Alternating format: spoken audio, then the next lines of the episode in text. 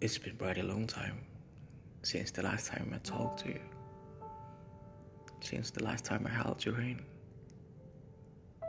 Could I still remember everything?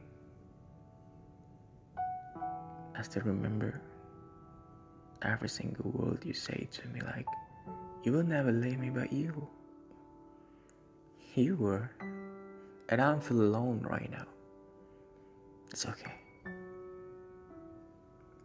I know life is not really easy as it seems. And you not belong to me. But I'm happy when I see you happy, even when you're happy with some other guy. But it's okay.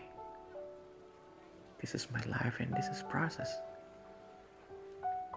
Hope you gonna understand and I hope I can understand why we have to be apart when we were still young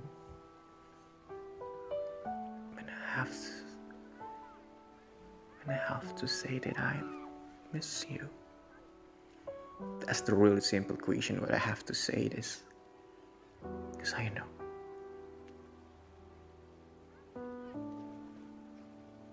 It wasn't your fault, but it was me.